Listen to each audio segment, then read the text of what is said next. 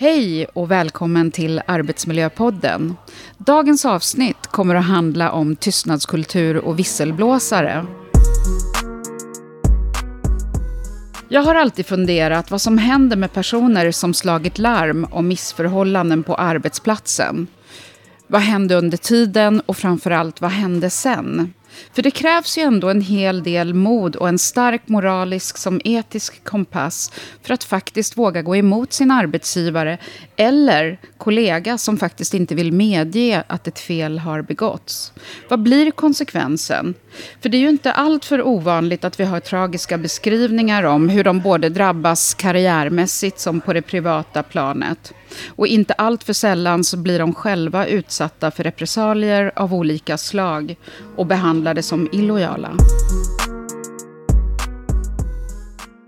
Mitt namn är Milla Jonsson och dagens gäster är Jenny Bengtsson. Hej Jenny! Hej hej! Och eh, Stefan Lundberg. Hej Stefan! Hallå. Jenny Bengtsson är arbetsmiljöinspektör på Arbetsmiljöverket och du är också förtroendevald. Eh, du har en bakgrund som regionalt skyddsombud, eh, fackligt aktiv och eh, som jag har förstått också, du jobbade ju på ett fackförbund, eller hur? Som regionalt skyddsombud. Ja, jag har varit vald för ja. ett fackförbund ja. länge. Men jag har jobbat som dealer, ja, du har jobbat som dealer. i ett decennium. Ja, och du har ju också ett stort engagemang i mänskliga rättigheter och kvinnors rättigheter och så. Ja, det är svårt att hålla sig ifrån. Ja, ja. Och Stefan, du är chefsåklagare på Ekobrottsmyndigheten. Det stämmer bra. Och har en, eh, ja, som jag har förstått så är du också en av Sveriges främsta experter inom ekobrott. Du har en lång karriär inom det här området brottsförebyggande. Eh, just ekonomiskt brottsförebyggande arbete. Och du är också skyddsombud och förtroendevald. Jajamän. Varmt välkommen båda två. Tack. Tack. Eh, jag tänkte väl börja med att eh, fråga lite grann kring den situationen. Det har ju varit ett turbulent år kan man ju säga, det här sista året. Och eh, Jenny, kan du inte berätta lite om vad det är som har hänt? Ja, hur man hamnade i, i den här soppan, eh, så att säga. Eh, jo, det här året har varit jätteturbulent. För mig började det här då, som, som eh, allt det här handlar om, den 7 april 2020. Eh, jag hade jour eh, och då tar man alltså emot eh, dödsfall och väldigt allvarliga olycksfall och eh, skyddsombudsstopp i mitt jobb. Och sent på eftermiddagen så får vi in ett stopp eh, som eh, lades på ett äldreboende i Stockholm och som gällde skyddsutrustning, eh, munskydd och visir. Och där eh, började vad som sen skulle bli eh, en lång mardröm för mig. Själva ärendet hanterades som vanligt eh, från min sida. Eh, det var först ett par dagar senare som jag började känna att saker inte hanterades korrekt i myndigheten i leden över mig. Och det var inte bara jag som kände så heller utan andra inblandade i ärendet också. Vi började säga ifrån och larma internt eh, och blev vad jag uppfattar inte lyssnade på eh, alls. Eh, sen började nyheterna att skriva om det här ärendet. Det blev väldigt upphåsat eftersom det var, det var det första ärendet i sitt slag i Sverige under pandemin. Och ju större det blev, desto mer kom fram. Eh, och till slut så hamnade jag själv i en situation där jag fick reda på nya saker om mitt eget ärende via nyheterna. Efter det så förändrades liksom allt egentligen. Eh, första gången jag pratade kritiskt om min arbetsgivare och utifrån det här ärendet, det var flera, flera månader senare i augusti när eh, tidningen Kommunalarbetaren fick tag i mig under min semester och jag svarade på frågor för de hade fått ut mejlkorrespondens eh, och ställde frågor om det. Och jag svarade och blev inkallad på ett utskällningssamtal. Eh, efter det fick förklarat för mig att eh, förtroendet för mig var borta. Jag blev tvingad att lämna mina telefoner utanför rummet. Och sen ledde det ena till det andra. Jag blev hemskickad från jobbet ifrån en myndighetsgemensam tillsynsinsats Eh, utan förklaring och anledning. Eh, och sen skulle man eh, flytta mig till en annan sektion, andra arbetsuppgifter inom tillsynsområdet. Och ja, någonstans där hade vi kommit in på det nya året och då mådde jag så fruktansvärt dåligt så att allting bara kändes omöjligt. Eh, och det här ärendet då i april förra året hade förvandlats till ja, men det som var liksom nära att eh, totalt sänka mig eh, egentligen. Jag var med i Uppdrag granskning i slutet av oktober och pratade om ärendet. Eh, min arbetsgivare har hela tiden från centralt håll sagt att man inte har gjort några fel eh, alls egentligen. Eh, och sen fick jag äran att vara med i Uppdrag granskning igen i mars. Eh, bedriften här att vara med där två gånger på ett halvår eh, kunde väl ha varit roligare om, om det inte hade gällt det här. Men mm då fick jag prata om hur jag hade blivit behandlad och det har ju inte varit så himla bra. Nej, och vi kommer ju komma tillbaka till det. Jag tänkte, Stefan, du kan ju också berätta din historia. Mm. För vi satt ju och skämtade här lite grann innan vi drog igång att ni är uh, Uppdrag granskning-veteraner. Men innan vi kommer in på den delen. Vad har hänt dig? Vad hände dig? Ja, jag hade ju varit med i Uppdrag granskning två gånger innan så, som expert. Det var, det var ju en trevligare roll ja. än den här nya rollen då när det blev tredje gången gilt. Ja, ja min historia är den att uh, på den enhet jag har jobbat så har det varit väldigt stora arbetsmiljöproblem kopplat till ledarskapet under flera år. Det, och jag och kollegor har ju tagit upp det här. Det, jag har tagit upp det både som medarbetare, facklig och, och skyddsombud. Det, att, att det måste bli en förändring och, och det här eskalerade. Det, det, blev en personalflykt kopplat till eh, detta. Det, och eh, det var en, en tillsättning av en chef som inte kändes riktigt hålla sig till regelverket. Det, så att det här kulminerade här innan sommaren. Det, och eh, jag valde då att, att ta en, en telefonkontakt med, med närmaste chefen och, och, bara säga det att mitt förtroende för, för den här chefen var, var förbrukat beroende på, på hennes ledarskap. Det, som har lett till de här stora arbetsmiljöproblemen, personalflykten det, och också den här tillsättningen då som inte följde regelverket. Det, och jag hade också märkt i ungefär samma tid här att det ställdes en massa nya krav på mig i mitt arbete på, på temat detaljstyrning och, och kontroll som, så, som kändes väldigt märkliga. Det, sen gick jag på semester i fyra veckor. Det, och eh, direkt när jag kom tillbaks det, så fick jag en kallelse till vad som kallades då ett utredande och klargörande samtal. Det, och eh, jag kände ju att det här var så allvarligt så att jag, jag tog med mig ett fackligt stöd eh, på detta. Det, och eh, det var ju alldeles uppenbart att det var förutbestämt att jag skulle omplaceras. Man, man pratade till och med om uppsägning. Det, och, och det fördes fram en massa svepskäl att jag skulle ha gjort fel i, i vissa avseenden. Det, det handlade om, om exempelvis någon, eh, att lägga in möten i Outlook-funktionen och använda någon SharePoint-yta som vi hade i, i, verksamheten. Det var på den nivån helt enkelt. Det, så att jag insåg ju att, att det här var allvarligt och, och sen under hela hösten så, så var det samma typ av möten. Och, samma trams upprepades att jag skulle ha begått de här påstådda bristerna. Det, och eh, sen så eh, efter årsskiftet så eh, klarnade ju det här då att man fattade ett omplaceringsbeslut att jag skulle bli då från att ha varit på huvudkontoret, varit brottsförebyggare, så skulle jag helt plötsligt bli operativ åklagare. Det, och det har jag varit förut. Problemet var bara att det var 23 år sedan. Det var ett lite annat åklagarväsende och det här är ju ett helt annat jobb. Det är ungefär som att man skulle säga åt en läkare som har skrivit ut medicin i 25 år. Imorgon ska du bara jobba som kirurg. Det, det är inte så bra tror jag vare sig för mig, för arbetsgivaren eller för rättssäkerheten. Det, så att det här kändes som ett mycket märkligt eh, beslut. Det är helt enkelt. Det, och och eh, jag mådde ju jättedåligt under hela hösten här såklart. Men det eskalerade ju när beslutet kom. Då blev vi ju, övergick från ett hot till en verklighet. Och eh, jag har ju då valt att inte tillträda den här nya tjänsten. Och, och sen har det här rullat på då med, med, med fackliga förhandlingar. Och eh, Uppdrag granskning-programmet som jag och eh, Jenny eh, var med i. Då jag valde att framträda med namn. Tidigare hade jag valt då i kontakt med media att inte göra det. det.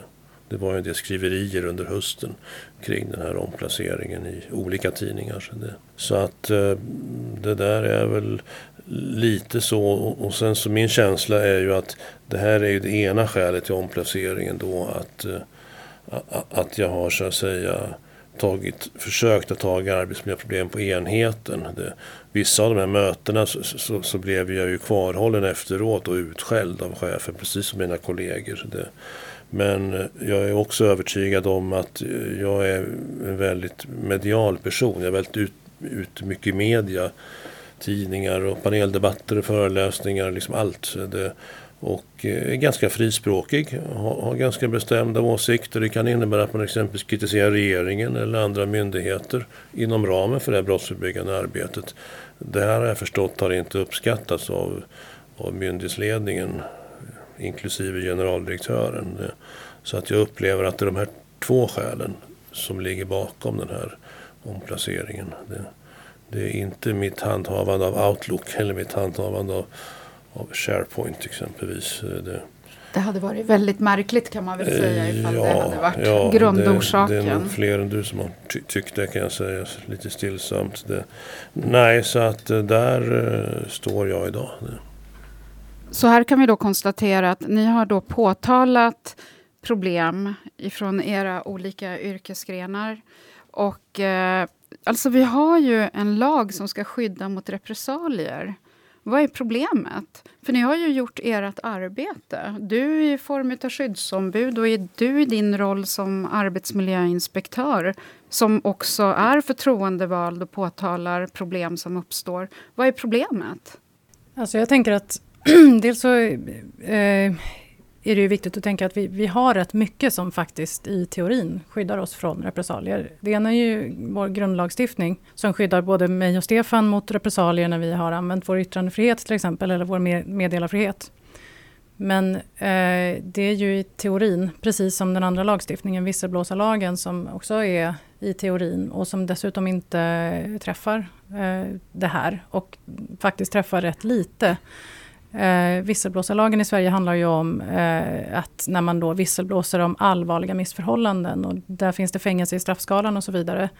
Det som många larmar om hamnar ju liksom inte där så att genom den lagstiftningen så är ju inte alla skyddade. Sen jobbar jag och Stefan i varsin myndighet som är eh, skyddad genom grundlagstiftningen. Eh, men teori är en sak. Eh, och eh, praktik är en annan. Och, eh, jag tror att det är väldigt många där ute på arbetsmarknaden som lever i praktiken och som har larmat eh, om ett eh, eller annat missförhållande och som sen blir straffade på olika sätt. Och frågan är hur många som eh, egentligen orkar driva eh, sina ärenden emot ja, det som man får emot sig helt enkelt. Har vi en skev bild av, av oss själva? Jag tänker lite grann kring hur, hur vi ser på oss lite grann som svenska rättrådiga, rättfärdiga. Stämmer den överens med ja, min, min, bild är ju att uh, statsförvaltningen är i förfall. Alltså, det har blivit mycket värre. Jag har jobbat 35 år inom statsförvaltningen och jag ser på senare åren att eh, det blir sämre och sämre. Och, och, eh, jag kan ju se då att myndigheterna följer ju inte regelverk. Det, det kan ju vara interna föreskrifter. Jag anmälde min chef för kränkande särbehandling. Då följde man inte sin egen föreskrift vad, vad man ska göra, vilka man ska prata med. Och man följer inte lagar, förtroendemannalagen eller medbestämmandelagen. Och vad värre är, man följer ju inte ens grundlagarna. Det, jag, jag, tänker på det här med förtjänst och skicklighet när man tillsätter chefer. Jag tänker på yttrandefrihet, jag tänker på meddelarfrihet. Det, och eh, jag tycker ju då att eh, eftersom jag jobbar på en rättsvårdande myndighet så, så tycker jag liksom att vi borde rimligen vara bäst i klassen när det gäller att tillämpa regelverk. Vi är ju sämst i klassen. Det, jag tycker det är skandalöst dåligt och eh, skattebetalarna, medborgarna eh, tycker jag borde ju reagera på det här och våra politiker. Det, det är inte okej okay att det är så här illa. Ja, för båda vittnar ju egentligen om ett ledarskap som inte fungerar. Och eh, vi tycker ju oftast om att uttrycka oss kring värdegrundande ledarskap och sådana saker. Men kan det också vara en, eh, en orsak till att Eh, vi gömmer olika typer av maktstrukturer bakom den här typen av benämningar av ledarskap? Ja, alltså man, man tar fram massa dokument som ser bra ut att visa upp för, för departement och fackliga organisationer och, och andra. Det, det, kan gälla just ledarkriterier e-, eller värdegrunder. Men återigen, eh, ledarkriterier i, i en föreskrift, det är inte värt någonting om man inte gör jobbet i vardagen och till, tillsätter chefer som, som klarar av sitt jobb. Det, så funkar det ju inte utan man tar dit kompisar, riggade tillsättningar och struntar totalt i vad regeringsformen säger. Det, och man hittar på egna värdegrunder. Det, det är hittepå-produkter det där. Det, det är inte de som ska styra myndighetens verksamhet, det är lagarna, grundlagarna om yttrandefrihet och meddelarfrihet, förtjänst och skicklighet. Det, de där värdegrunderna leder ju snarare till att man trycker ner de anställda och, skapar något, en falsk lojalitet. Att lojaliteten som statsanställd är till sin egen myndighetsledning. Det är det ju inte. Det är ju till skattebetalarna, medborgarna. Om, om jag får fylla på där just det du är inne på nu Stefan är ju eh, angående det här med har, har vi en rättvisande Eh, eller, eller en missvisande snarare självbild. Alltså, jag tänker att det, det finns eh, nog en bild generellt och i myndigheter och bland statstjänstemän och offentligt anställda att rätt ska vara rätt och eh, man, man ska eh, utföra sin tjänst och göra den rättvisa och så vidare. Men, men sen står det emot eh, trevligheten. Eh, den generella trevligheten på en arbetsplats. Samkvämet, samverkansandan, det höga taket och så vidare. Ehm, och jag tänker på en sån här sak som att många myndigheter idag styrs som om de vore bolag eh, med samma principer och det är då såna här, sånt här snack om värdegrunder och eh, liksom olika styrningssätt och så vidare. Det är ju då man blandar in sånt och vi är ju myndigheter eh, och vi har ju ett enormt regelverk eh, som är grunden och som utgör grunden för liksom, statsapparaten. Eh, så vi skulle egentligen eh, kunna klara oss utan olika påhittade värdegrunder. Ehm, och här tror jag det som Stefan är inne på är så himla viktigt att det skapar en känsla av att eh, anställda ska vara lojala mot sina arbetsgivare snarare än mot sitt uppdrag inom staten. Och jag har, eh, innan jag hamnade på myndigheten, ju bara jobbat i privat sektor. Och där hade vi lojalitetsklausuler i både kollektivavtal och i våra anställningsavtal och yppande förbud efter att man hade slutat och så vidare. Och det är sånt som man kan ha i den privata sektorn.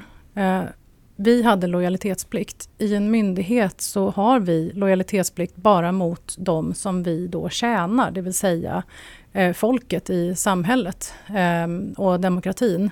Sen ska man vara lojal mot sin myndighet som i att man ska inte springa och göra en massa saker på sidan om som liksom störtar myndighetens uppdrag på olika sätt eller går emot. Men vi har inte lojalitetsplikt eh, på, på, det sättet som i den privata sektorn. Men ändå så kan jag uppleva att väldigt många anställda statstjänstemän eh, och i offentlig sektor går runt och lever som om man vore anställd i ett aktiebolag. Eh, och det är en jättefara för demokratin, tror jag. Och det gör också att folk inte vågar larma för att man vet att det blir liksom inget bra då. För det händer ingenting, det är ingen som tar tag i det utan Nej, alltså, man om, har förskjutit vad som är viktigt eller? Ja, men också att har man en upplevd falsk lojalitetsplikt gentemot sin arbetsgivare, då är ju liksom, larmar man, då är man illojal. Och illojal vill ingen vara. Eh, för det är inte bra. Och det är också så som, som sådana som oss eh, ibland eh, kallas för av kollegor som liksom upplever att man har varit dum mot arbetsgivaren genom att larma. Eh, men den här falska lojalitetsplikten är, den är farlig. Eh, och jag tänker att om fler bara skulle våga göra sitt statstjänstemannauppdrag först och interna strukturer och praktiska tillvägagångssätt sen så skulle vi nog vinna mycket på det. Ehm, Men som det är nu så får ju de som sticker ut betala rätt högt för det. Så att jag kan också förstå att många väljer att avstå. Mm. För det var någonting som jag funderade på genom hela den här processen. Vad har ni fått för stöd av kollegor och arbetsgivare? stödet ser ut på, på två sätt. Det, det, ena är ju att många kontaktar mig exempelvis det, och, och, uttrycker ett otroligt eh, fint stöd. Det, men det är väldigt få, apropå vad Jenny säger här, som har vågat liksom på, på möten på jobbet och, och sånt. Det, det, några på min enhet har, har gjort det, vilket är hedrande. Det.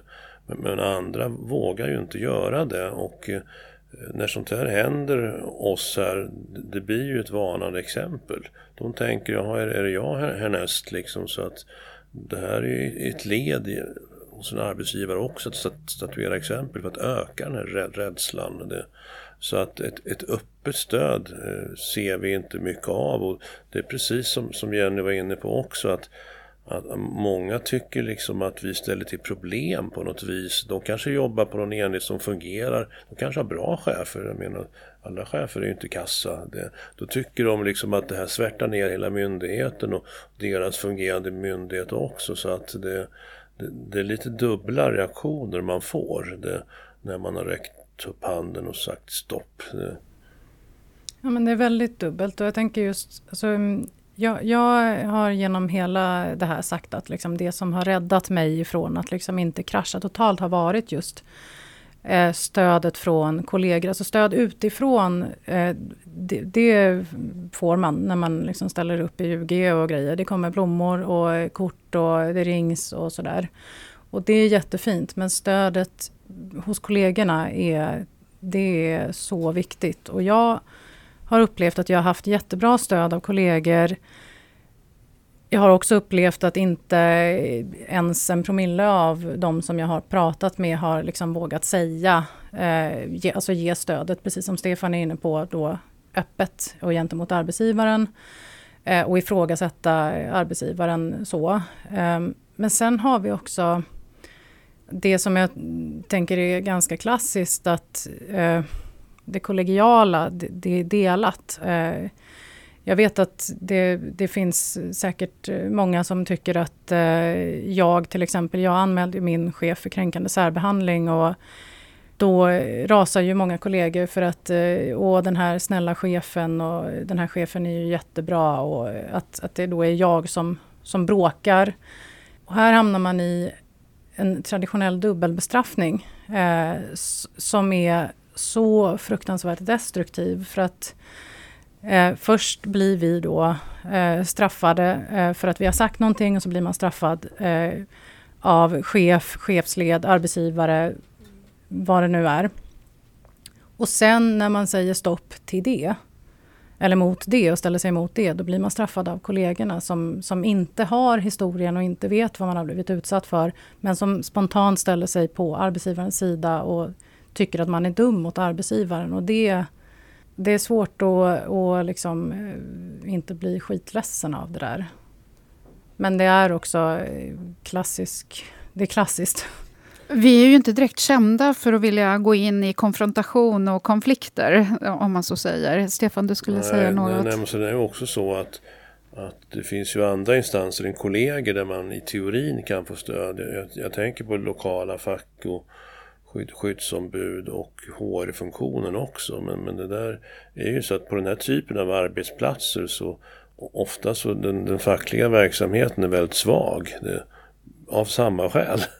Så, som att vi sitter här. Alltså man, man, man, vågar inte ta konflikter med arbetsgivaren fullt ut. Man är rädd om, om sig själv och man har de här olika funktionerna. Det, och HR Eh, Eh, tycker jag är ett stort skämt. Det, liksom, vänder man sig dit som medarbetare för, att få stöd det, så inser man ju eh, som en slägga i huvudet att, de företräder ju arbetsgivaren, punkt. Det, och, och, och, de handlägger exempelvis anmälningar om när en chef har utfört en kränkande särbehandling trots att de är jäviga. Det. Ja, för någonstans är det ju så här att HR ska ju aldrig utreda den här typen av eh, problem eh, som de, dyker upp. och det gör de, och det gör de varje dag på olika ja. myndigheter. Ja. Och det blir ju, det blir ju väldigt ja, ifrågasättande kan man ju göra ja, direkt. Visst. Ja. Nej, men jag har ju talat om också som medarbetare som har vänt sig till H&M när de har haft stora problem och de har blivit hänvisade att kontakta din fackliga organisation. Man har liksom inte ens blivit lyssnad på. Jag tycker det är fruktansvärt. Och facket är ju jätteviktigt i den här typen av eh, situationer. Hur upplever ni att kunskaper finns hos de fackliga? Alltså, jag har ju i mitt arbetsliv innan det här varit en sån som har suttit bredvid människor när de har blivit utsatta för olika saker. Det här är första gången i mitt arbetsliv som jag själv har behövt ha fackligt stöd. Eh, och utan det så hade jag dessutom arbetat delvis med andra saker idag. Så jag är jätteglad att jag är med i facket och så vidare. Men kunskaperna kring eh, grundlagstiftningen, yttrandefrihet, meddelarfrihet, repressalieförbud i traditionella fackförbund är väl kanske inte jättehög och framförallt inte hos lokala fackliga företrädare. Det här är ju gigantiska frågor, juridiskt komplicerade frågor. Det är ingenting som gemene fackrepresentant sysslar med eh, i det vanliga fackliga arbetet. Så att, och inte heller förbund. Eh, lokalombudsmän, centralombudsmän. Det här är inte sånt som hamnar på deras bord eh, jätteofta heller. Eh, så att det, det, är väl klart. Och, ja, och samma är det ju med utredningar kring kränkande särbehandling. Det finns ju stora luckor där som kunskapsmässigt skulle behöva fyllas. Men sen är ju också frågan Eh, vem det är som ska ta ansvaret. Jag menar, jag tänker att ansvaret ska vila på arbetsgivaren att först och främst se till så att sånt här skit inte händer. Och sen om det ändå händer, ta det på allvar än att man eh, ska behöva hänvisas till att dra igång en facklig tvist varenda gång det händer någonting. Så Ja, nej, jag, jag har lite, lite, samma känsla.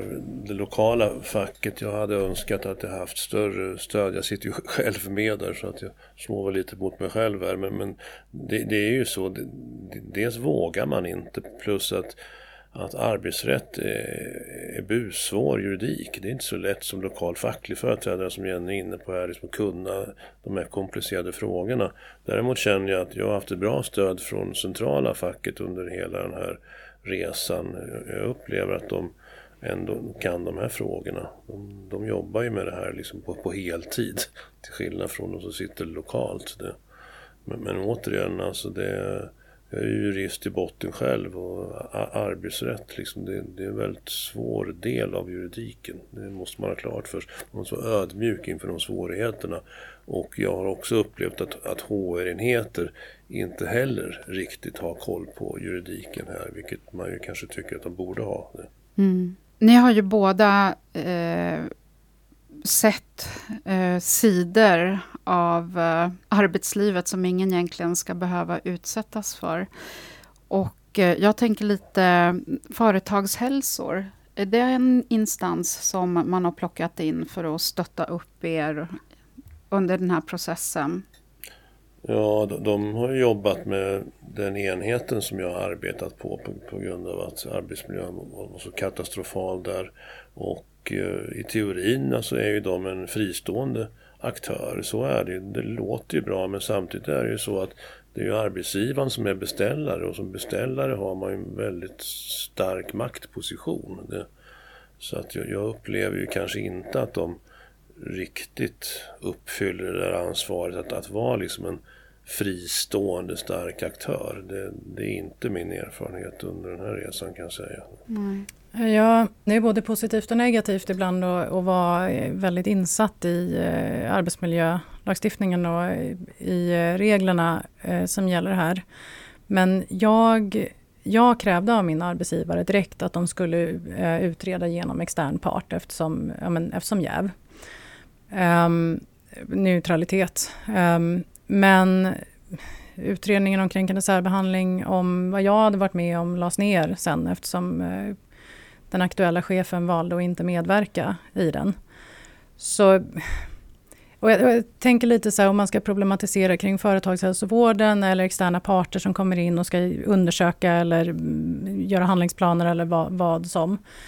Så de kan ju vara externa, eller de är ju externa och de kan vara objektiva, men de är fortfarande beställda utifrån eh, så som arbetsgivaren då, precis som Stefan är inne på, dikterar att beställningen ska vara. Och när de lämnar ifrån sig det som de har gjort så är det alltid upp till arbetsgivaren att vidta åtgärder eller inte. Så att i slutändan så, så hamnar ju bollen tillbaka hos arbetsgivaren igen. Som var, kanske hade varit bra att ha, det är ju att det skulle bildas någon form av myndighet dit man kan få vända sig. Där det finns externa utredare som är specialiserade inom arbetsmiljörätt, arbetsrätt och som också är avlönade utav staten och inte utav företagen. Det skulle kunna vara en väg att gå eh, säkert. Eh, det angränsar ju rätt mycket till jag tänker på Arbetsmiljöverket ska tillsyna den nya visselblåsarlagen eh, och det blir ju viss tillsyn eh, i en sån myndighet. Och sen tänker jag att det stora problemet här är nog egentligen inte eh, själva utredningarna. Jag tror att det är väldigt, väldigt få faktiska kränkningar som går så långt som till en utredning ens. Det finns ju ett enormt mörkertal i det här eftersom eh, det, det händer saker och sen ska man också våga larma, man ska våga anmäla. Eh, och då, då gäller det att man ska sitta där mot sin arbetsgivare och säga att man anmäler en chef eller en kollega för eh, kränkande särbehandling till exempel. Och jag tänker att de flesta avstår redan innan det.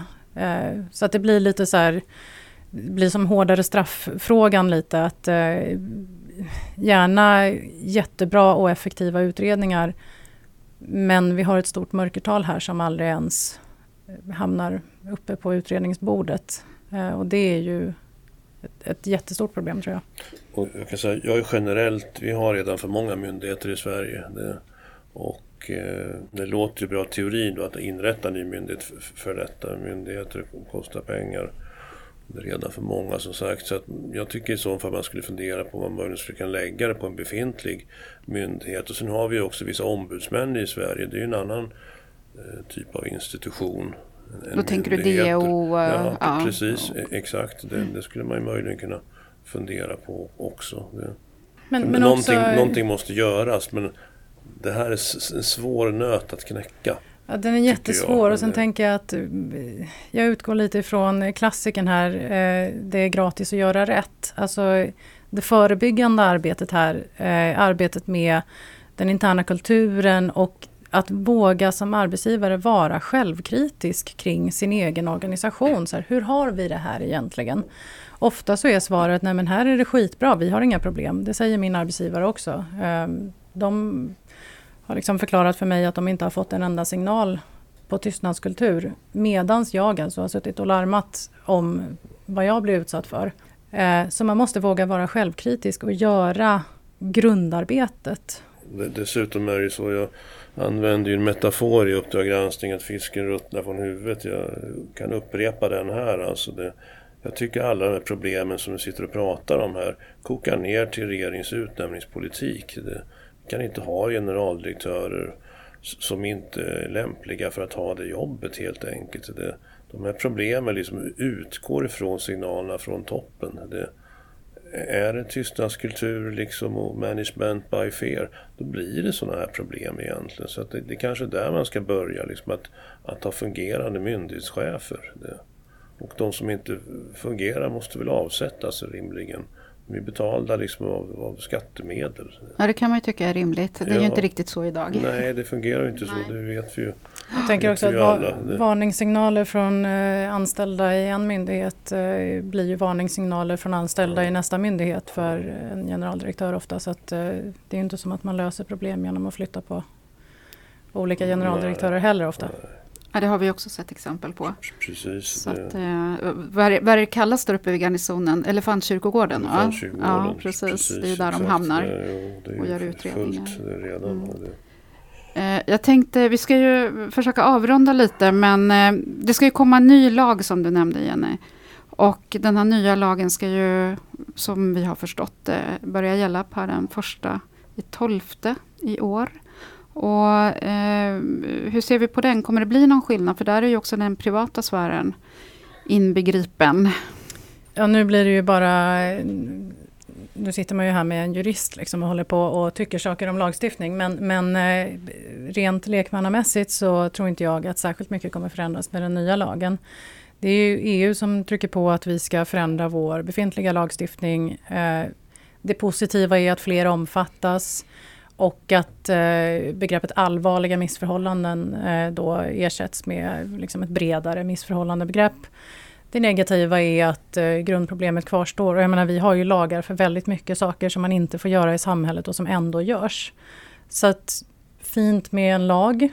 Eh, men jag menar, som jag och Stefan har också meddelarfrihet eh, och se hur det har gått för oss. Liksom. Så det, det är bra att man signalerar från samhällets sida vad som är okej okay och inte okej. Okay. Eh, men det kommer inte lösa att eh, fler kommer få eh, upprättelse eller behandlas bättre, tror jag. Jag håller med. Vi kan, vi kan införa hur många lagar som helst. Men om inte myndigheterna själva följer dem, då har lagarna inget värde. Då, så ser det tyvärr ut idag. Mm. Man, man följer ju vare sig grundlagar eller lagar eller egna föreskrifter.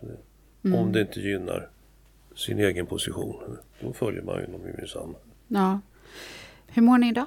Nej, jag, jag, tror Jenny använde ordet helvete. Det har varit rent helvete ända sedan sommaren för mig. Det har varit den värsta perioden i mitt liv. Ja. Den korta sammanfattningen. Man ska inte behöva ha det här som anställd i staten. Det är helt oacceptabelt. Nej, jag säger detsamma. Jag, eh, jag menar, jag har en lång facklig aktivitet bakom mig och har liksom känt att så här, jag mm, har nog sprungit på varenda törn i arbetslivet som, som finns och har suttit i jättekniviga situationer. Men jag har aldrig mått så här dåligt i mitt arbetsliv som jag har gjort eh, nu. Eh, och aldrig varit så här nära att liksom känna att jag ger upp eh, och kommer liksom aldrig komma tillbaka till arbetslivet. Eh, för där hamnar man Eh, efter ett tag. Ehm, och det smyger sig in. Jag vet, jag och Stefan eh, har ju funnit varandra lite i det här. Eh, det är inte så många som liksom kan, kan relatera till vad man går igenom, men hur det sätter sig i det kommer, det kommer in i mardrömmar, det sätter sig i sömnsvårigheter, aptitförlust och att man mår dåligt som människa helt enkelt. Så det påverkar ju alla delar av livet. Ehm, förhoppningsvis så klarar man sig igenom det. Och ja, det vore ju skit rent ut sagt om man inte gör det så kan man ju tro, jag tror både jag och Jenny, vi, vi är liksom per definition starka personer. Det, eh, men liksom man, man, landar i liksom att man, man är ju ingen maskin. Nej. Trots allt är man ju bara kött och blod. Så att liksom det, man klarar inte av sånt här. Vi, vi är starka personer, och, eh, men vi är också människor. Eh, och jag tänker att här blir det lite så David och Goliat perspektivet. För att hur stark man än är så, så står man till slut där. Vi, vi, våra arbetsplatser, eh, arbetsgivare är myndigheter och man står och som en liten, liten person och skriker emot en jätteaktör.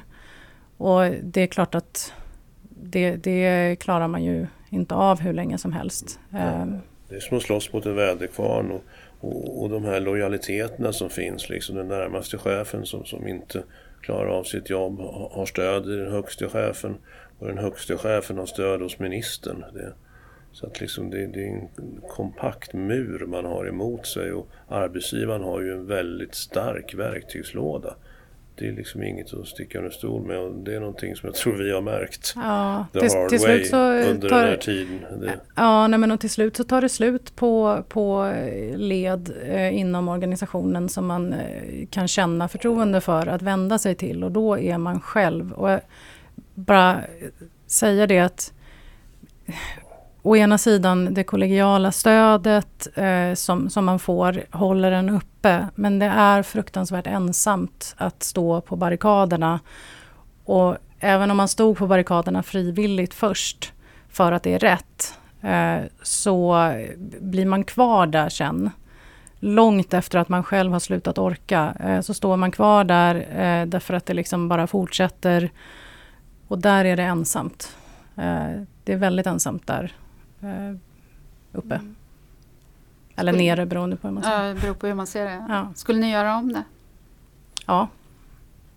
Ja, absolut. Jag, jag har alltid haft som, som ett mantra att innan jag går och lägger mig så, så vill jag kunna titta mig själv i spegeln och se mig i ögonen. Hittills har jag alltid klarat av det.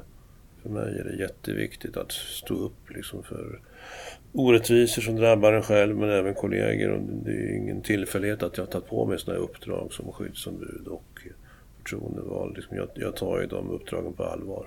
Så är det. Väl medveten om riskerna som det innebär. Jag håller med Jenny.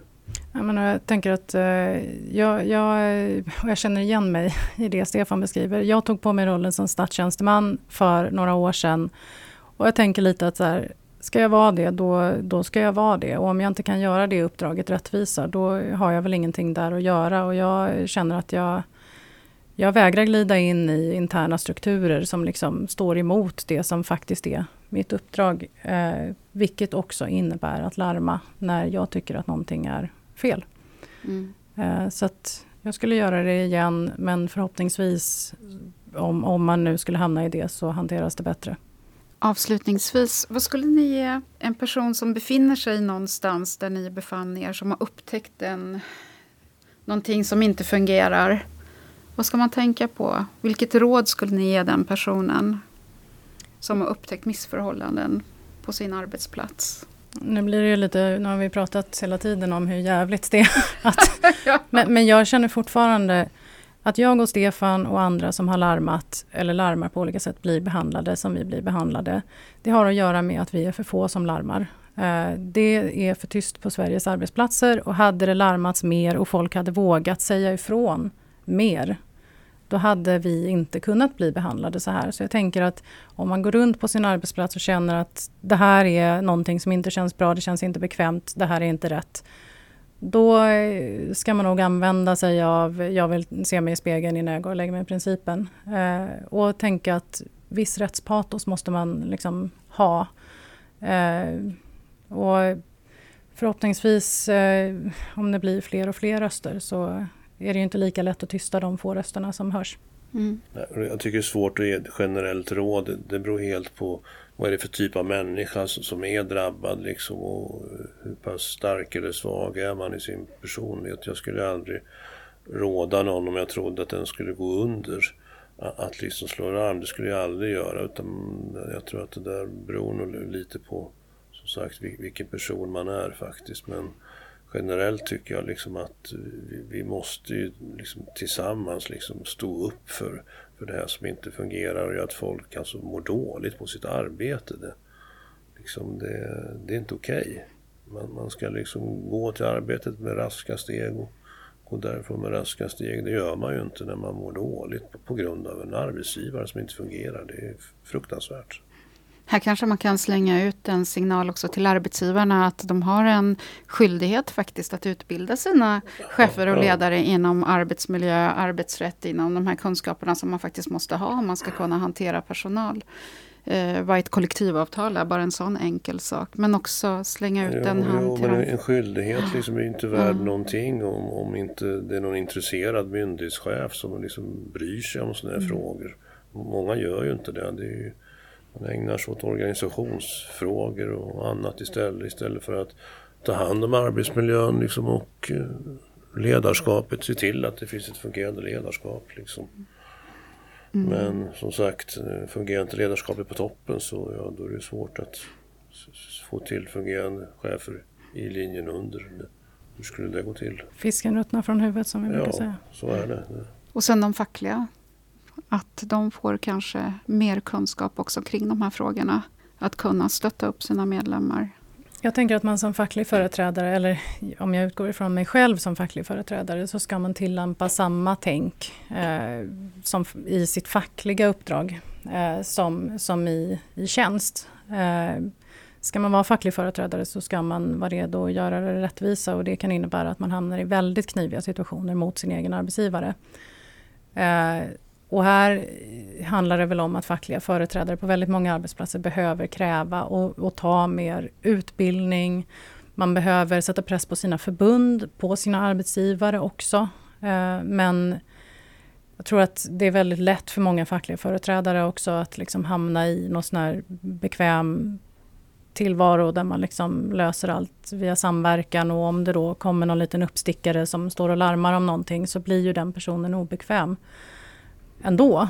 Ja, också för de fackliga och det är ju farligt. Jag, jag, håller med, utbildningen är nog bra som du är inne på men jag, jag tror liksom ändå att, att det är viktigare att de som jobbar fackligt, jag tänker lokalt att, att de faktiskt har civilkurage, att de inte är konflikträdda och inte sitter i arbetsgivarens knä. Jag har sett för många exempel på det kan jag säga. För att då fungerar inte hur mycket utbildning man, man än har. Liksom det, det, det måste börja och eh, det har ju alltid varit svårt att få folk både till förtroendevald och skyddsombud. Och, och, jag märker ju att det blir svårare och svårare. Liksom. Och när sådana här historier blir kända som min och Jennys, det, det kommer ju inte att underlätta att rekrytera, det förstår vi nog alla. Det är ett jätteproblem. Mm. Nej, facklig aktivitet är ingen dans på rosor men eh, det behövs. Definitivt. Och du Jenny, du har ju också någonting spännande här framför dig. Ja, apropå facklig aktivitet. Ja. Eh, ja, som av en händelse mitt i den här eh, mediala skitstormen som man har åkt på så eh, blir jag författare. Det var ju en grej som jag liksom hade på rull långt innan jag visste att jag skulle hamna i den här skiten. Men jag ger ut en bok i juni i alla fall som heter Glöden i ögonen och som handlar om eh, ett decennium i facklig aktivitet innan jag hamnade på myndigheten. Eh, och där pratar vi, eller vi, där pratar jag rätt mycket om just det här som vi pratar om nu. Att våga liksom, att våga eh, stå emot och våga liksom, gå fram där andra kanske vacklar för sitt eget och sina kollegors liv. Um, så att eh, ja, det, där har man någonting att se fram emot. Jag brukar tänka det när det känns tungt. Verkligen. Då önskar jag dig ett stort lycka till och Eh, jag vill också tacka er båda för att ni ville komma hit och berätta er historia. Och Tack för att den vi fick komma. upplevelsen ni faktiskt har. Och jag hoppas att det här är någonting som också kan intressera er lyssnare. Att ni kan ta det med er. Och naturligtvis så vill jag också tacka de samarbetspartners som vi har. Det är Helst Kommunikation och Stockholm Academy. Och tack till er som har lyssnat. Ha det så gott. Tack så mycket. Hej då!